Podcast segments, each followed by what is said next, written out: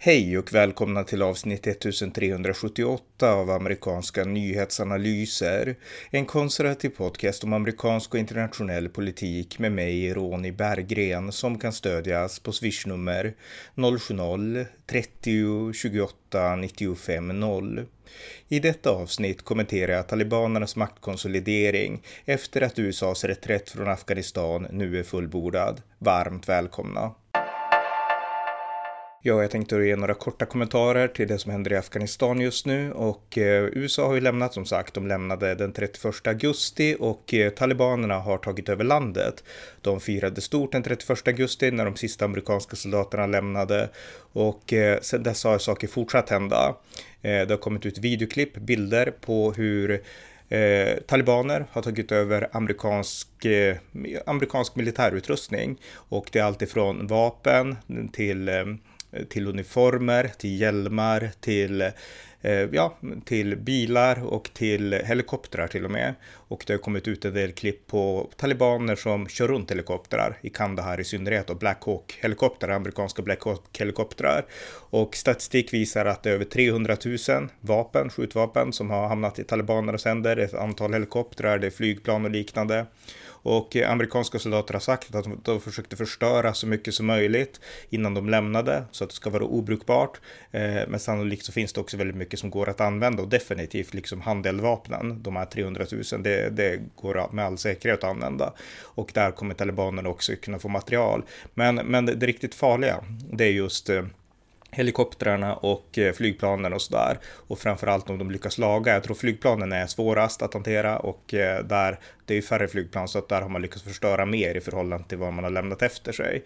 Så att eh, lyckas talibanerna ändå fixa flygplanen, lära sig köra helikoptrar, då har talibanerna plötsligt ett luftvapen och det var exakt det de inte hade under det här inbördeskriget, utan de gjorde allt från marken och USA och afghanska armén ägde luftrummet. Nu kommer talibanerna att få en egen armé från luften och det innebär att någon egen inhemsk opposition i princip aldrig kommer att kunna resa sig mot talibanerna och det här kommer att få stora konsekvenser för motståndsrörelsen i Panjshir därför att eh, de lever nu på att eh, eh, ja, vi har berg, bergen som isolerar oss, ingen kan ta sig hit och vi har bara vissa små passage som vi måste, som vi kan skydda genom att stå på en högre höjd och det är alltid svårt för motståndare att komma till fots med bil eller vad som helst.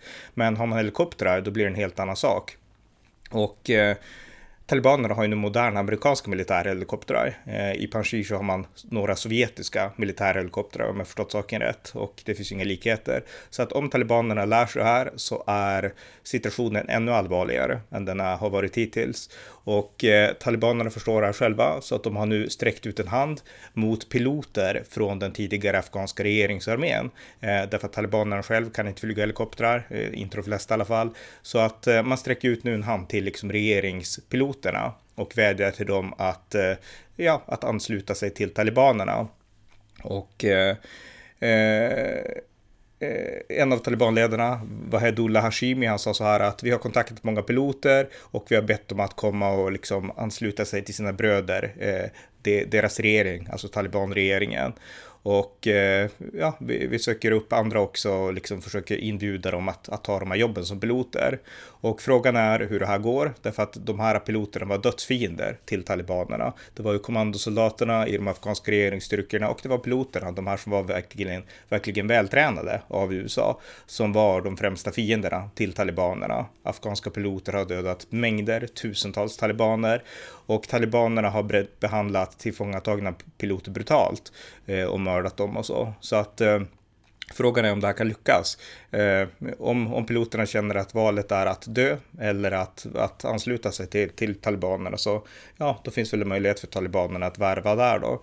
Men den här stora frågan hänger i luften. Kommer talibanerna att kunna bygga en, ja, en luftflotta helt enkelt med, med det kvarvarande amerikanska ja, de kvarvarande amerikanska helikoptrarna och flygplanen och så. Den frågan är eh, väldigt viktig och vi får se hur, hur det här slutar. Men eh, det är inte bra att talibanerna sakta men säkert börjar lära sig köra helikopter. Det är mycket allvarligt.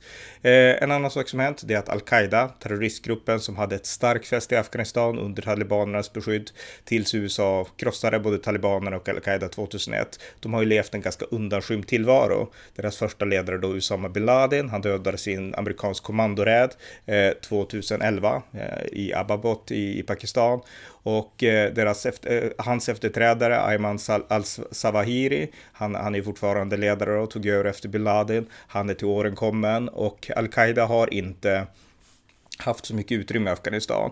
Talibanerna har gjort comeback, men al-Qaida har i princip blivit utrotade från Afghanistan på grund av USAs kontraterrorarbete och den afghanska armén. Nu befarar de flesta terrorexperter att eh, al-Qaida kommer att kunna göra comeback. De kommer att få ett nytt beskydd av talibanerna i Afghanistan och blir den absolut farligaste terrorrörelsen i landet. ISIS-K är ju väldigt små och de är rivaler, fiender till talibanerna och det innebär att ISIS-K kommer aldrig kunna göra något mer än att gömma sig och spränga bomber och skicka ut självmordsbombar och sånt. Men men al-Qaida, de kan verkligen få ett beskydd för att planera, beskydd av talibanerna för att planera terror mot väst och mot andra länder och så. Och situationen just nu, 2001 var ju al-Qaida starka. De kunde planera, de hade ju nätverk i Europa och överallt egentligen i USA och de kunde planera och genomföra 9-11-attacken mot USA 11 september 2001. Eh, sen dess har ju al-Qaida försvagats enormt eh, av amerikanskt kontraterrorarbete och eh, de flesta bedömer nu att al-Qaida är inte tillräckligt starka för att kunna slå till mot väst än med några storskaliga operationer. Men däremot så kan man slå till i Asien, i den omgivande regionen. Eh, så pass starka är man. Och framförallt eh, Kashmir eh, mot Indien och i Sydostasien och, och, i länder som inte alls har samma möjligheter att skydda sig som både USA och i det här fallet också Europa har. Eh, sen på sikt kommer ju de här rörelserna att hota framförallt Europa också, ganska allvarligt. Men just nu bedömer man att det är de här länderna i Centralasien och i Sydostasien och så som, som hotas av al-Qaida. Och eh, al-Qaida, utöver att man, man lovordade då talibanerna och eh, man sa så här, eh, man, man, skrev så här att eh, prisad vara Allah för, för segern. Eh, och eh, eh, presidentpalatset i Kabul eh, har äntligen blivit renat från den amerikanska smutsen. Eh, prisad vara Allah, eh, skriver man. Eh, och sen så skriver man att Uh, att man vill då skänka sina gratulationer till talibanernas ledare Habitullah Ak Akundasa och uh, man skriver också att uh, att det här borde vara ett föredöme för jihadister överallt. Alltså att jihad funkar. Eh, der umma, alltså kära den, kära den islamiska gemenskapen. Det är dags att förbereda för det nästa steget i kampen. Och det, liksom, i Afghanistan har vägen banats. Och eh, med Allahs hjälp så, så kan vi liksom få de muslimska massorna att resa sig och kasta av sig tyrannerna som eh, har blivit eh, eh tillsatt av väst i den islamiska världen, skriver man. Och eh, al-Qaida fortsätter att skriva att man vill se en befrielse av Palestina från den sionistiska ockupationen. Eh, man vill se en, liksom, ett islamisk Maghreb befriad från fransk ockupation. Eh, man vill befria Levanten, alltså Mellanöstern. Man vill, befria Somalia, Jemen, Kashmir och alla andra islamiska länder som, som har liksom blivit kontrollerade eller övertagna av islams och i det här fallet då Salafi-islams fiender. Och man hoppas helt enkelt att talibanernas seger i Afghanistan ska inspirera till befrielser av andra förtryckta muslimer runt om i världen. Så skriver al-Qaida. Så ett stort lovord till talibanerna och eh, en förhoppning om ett fortsatt jihad även i, utanför Afghanistans gränser då.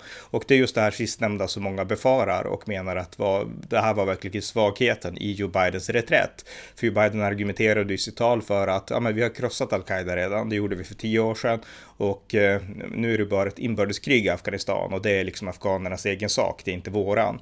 Men som det här visar, så tyder precis allt på att al-Qaida kommer att få ett nytt fäste i Afghanistan igen. Ingen kommer jaga dem, ingen kommer kunna döda dem och det här kan inte skötas från luften. Det var det ju Biden hoppades på, att om de kommer tillbaka så kan vi hantera det här från luften. Och det var det man lärde sig efter 9-11, att det räcker inte med, med liksom drönare eller med liksom flygfoton och sånt, utan det behövs underrättelse från marken. Det var exakt det man behövde och det var det man fick och det var det som var så effektivt i kampen mot al-Qaida. Allt det har ju USA kapitulerat nu, så att eh, vi kommer att få ny terrorhubb i Afghanistan. Al-Qaida är helt öppna med det i det här brevet och eh, konsekvenserna av det på sikt, det, det, är svårt att överskåda, men, men jag tror att eh, Europa i synnerhet kommer att få allvarliga problem. Men just nu så är det i Sydostasien, Indien och sådär som det här diskuteras. Och Indiens eh, premiärminister Modi Han har samlat till ett krismöte därför att han förstår att nu kommer jihadismen att komma närmare Indien och Kashmir. I andra länder i Sydostasien så har man också samlat, regeringarna samlat till krismöten och förbereder liksom kontraterror på ett nytt sätt. Jag vet inte om Europa har gjort det här, men eh, man har gjort det i Asien. Där tar man det här på största allvar, det här hotet och det som nu kommer hända. Och jag tror inte att Europa har börjat tänka så än faktiskt, tyvärr. Men vi måste börja förbereda oss därför att det här kommer att bli krig mot terrorismen är inte slut. Jag såg igår den här konservativa amerikanska politikern Dan Crenshaw som har varit veteran i Afghanistan och Irak och han sa att eh, kriget är inte slut. Vi kan tro vad vi vill. Det enda vi har gjort det är att vi har lämnat en viktig strategisk utpost och det kommer inte innebära att det här kriget kommer bli mycket svårare, men slutar inte därför att terrorismen finns fortfarande. De hatar oss, de planerar, de vill fortsätta attackera oss och vi har ju gått i krig mot dem för att stoppa sådana saker och eh, det kriget kommer fortsätta för fienden finns fortfarande där och vi kan liksom inte blunda inför det. Men det kommer att bli mycket svårare än att vinna när vi har förlorat Afghanistan, sa Dan Crenshaw och jag delar helt och hållet den synen då. Så att, eh, ja, skuggan växer i Mordor tänkte jag säga, men, men mörkret växer i Afghanistan och det kommer att eh, Europa kommer också få uppleva det här. Det, det, är liksom bara en tidsfråga. Men gällande Afghanistan i sig då, som sista punkt där, så förbereder talibanerna nu att bygga en riktig regering. Och eh, den här regeringen eh, kommer att ledas. De kommer att ha en supreme leader, precis som man har i Iran faktiskt. Iran är ju teologiskt motsatsen inom islam till vad talibanerna är. Iran är shiitiskt och talibanerna är eh, sunni-salafister och de har helt, de har väldigt annorlunda teologisk syn på saker och ting. Eh, men styret, hur man styr en regering, där har Iran ändå visat att de har en bra idé och eh, talibanerna verkar inspireras av det och talibanernas ledare eh, Eh, Haibtullah Akundsa, Akundasa, jag måste väl lära mig hans namn nu snart, men eh, han kommer att bli deras andliga ledare, talibanernas andliga ledare och den högst makt i grund och botten. Sen så kommer man att styre som bygger ganska mycket på talibanstyret som man hade på 90-talet mellan 1996 och 2001 och eh, ha en, en ja, olika regeringspositioner, en president under och sådär och, och sådär. Och det finns en del antal viktiga personer bland talibanerna här. Dels så har vi eh, eh, Mavli Jakob och han är son till Mullah Omar som grundade talibanerna. Eh, Sirajuddin Haqqani som är ledare för Haqqani-nätverket som varit jättekänt och som har betytt mycket för terrorismen inte minst. Och eh, Abdul Ghani Baradar som ledde, som ledde förhandlingarna i Doha när, när USA förhandlade med, med talibanerna om att USA skulle lämna. Och eh, Baradar var den här som Donald Trump ringde upp och sa att se till att följa det här avtalet för annars jag vet vart din postlåda bor ungefär, sa Donald Trump. Eh, men hur som helst, han kommer också få en stor roll. Så att det finns höjdare inom talibanerna nu som kommer att få viktiga regeringspositioner och de här är terrorister, men nu vill de bygga en regering och eh, ja, de verkar vilja bygga den här på hur man har strukturerat systemet i Iran, även om man kommer ha en helt annan teologi. Men, men så ser det ut i alla fall. Al-Qaida lovordar talibanerna, talibanerna har tagit över amerikanska helikoptrar, de kommer att sätta upp en regering och de vill bygga en armé. Sen återstår det att se liksom de här praktiska frågorna för vanliga afghaner. Afghaner nu, de försöker ta ut pengar på bankerna, det går knappt. De försöker, eh, ja, de vågar inte gå till jobbet, ekonomin går uruselt, pengarna är låsta och eh, nu kommer det inte att räcka längre att säga att eh, Allah har hjälpt oss att segra över amerikanerna, utan nu måste man hjälpa afghaner att få mat på bordet, att få vardagen att funka igen och att allt det här man har rivit ner måste man bygga upp i civilsamhället. Och eh, kommer talibanerna att lyckas med det? Eller kommer det att bli en total svältkatastrof och eh, liksom nöd och misär i Afghanistan igen? Den frågan återstår att se och här måste ju världssamfundet också agera. Men på sikt är det ändå så här, det här är min tydliga syn, alltså vi kan inte acceptera en talibanstat i en modern värld. Det här är ju det finns ingen stat som kommer att vara som talibanerna. Det här kommer att bli en terroriststat och någon sån finns inte just nu. Det finns terrorister, terroristorganisationer, det finns laglösa områden, men det finns inte en stat som är byggd på islamisk terror. Men nu finns det och det är Afghanistan under talibanerna och eh, på sikt kommer väst att behöva intervenera här igen eller krossa talibanerna eller så. Det här är inget man kan liksom, man kan inte sticka huvudet i sanden här och bara tro att nej, men vi måste bara hålla oss borta. Det är många konservativa som pratar så idag, även i Sverige och då har man inte förstått hotet från från militant islam. Det är ett internt hot. Vi måste stoppa islamiseringen av Europa, islamiseringen av Sverige. Där finns en grogrund för islamisk terrorism och för islamisk kultur och saker som krockar med västerländska värderingar. Det måste konfronteras.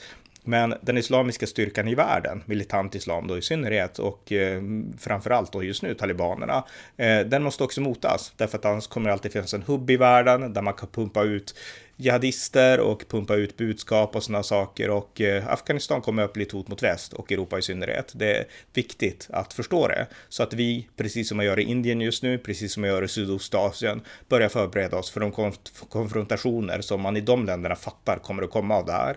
Eh, vi fattar inte det i Europa och vi måste vakna upp inför det. Vi måste kontraislamiseringen i Europa, men vi måste också konfrontera militant islam ute i världen. Det enda sättet att skydda oss, därför att annars blir den västerländska zonen mindre och mindre och mindre och till slut så är vi svagare än de här grupperna och då är det ju verkligen kört för västvärlden. Så att vi måste börja tänka på de här frågorna nu, helt enkelt. Och eh, jag avslutar den här podden med det budskapet.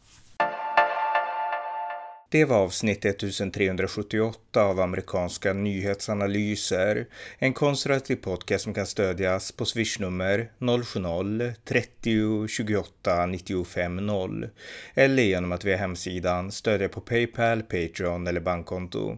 Det var allt för idag. Tack för att ni har lyssnat.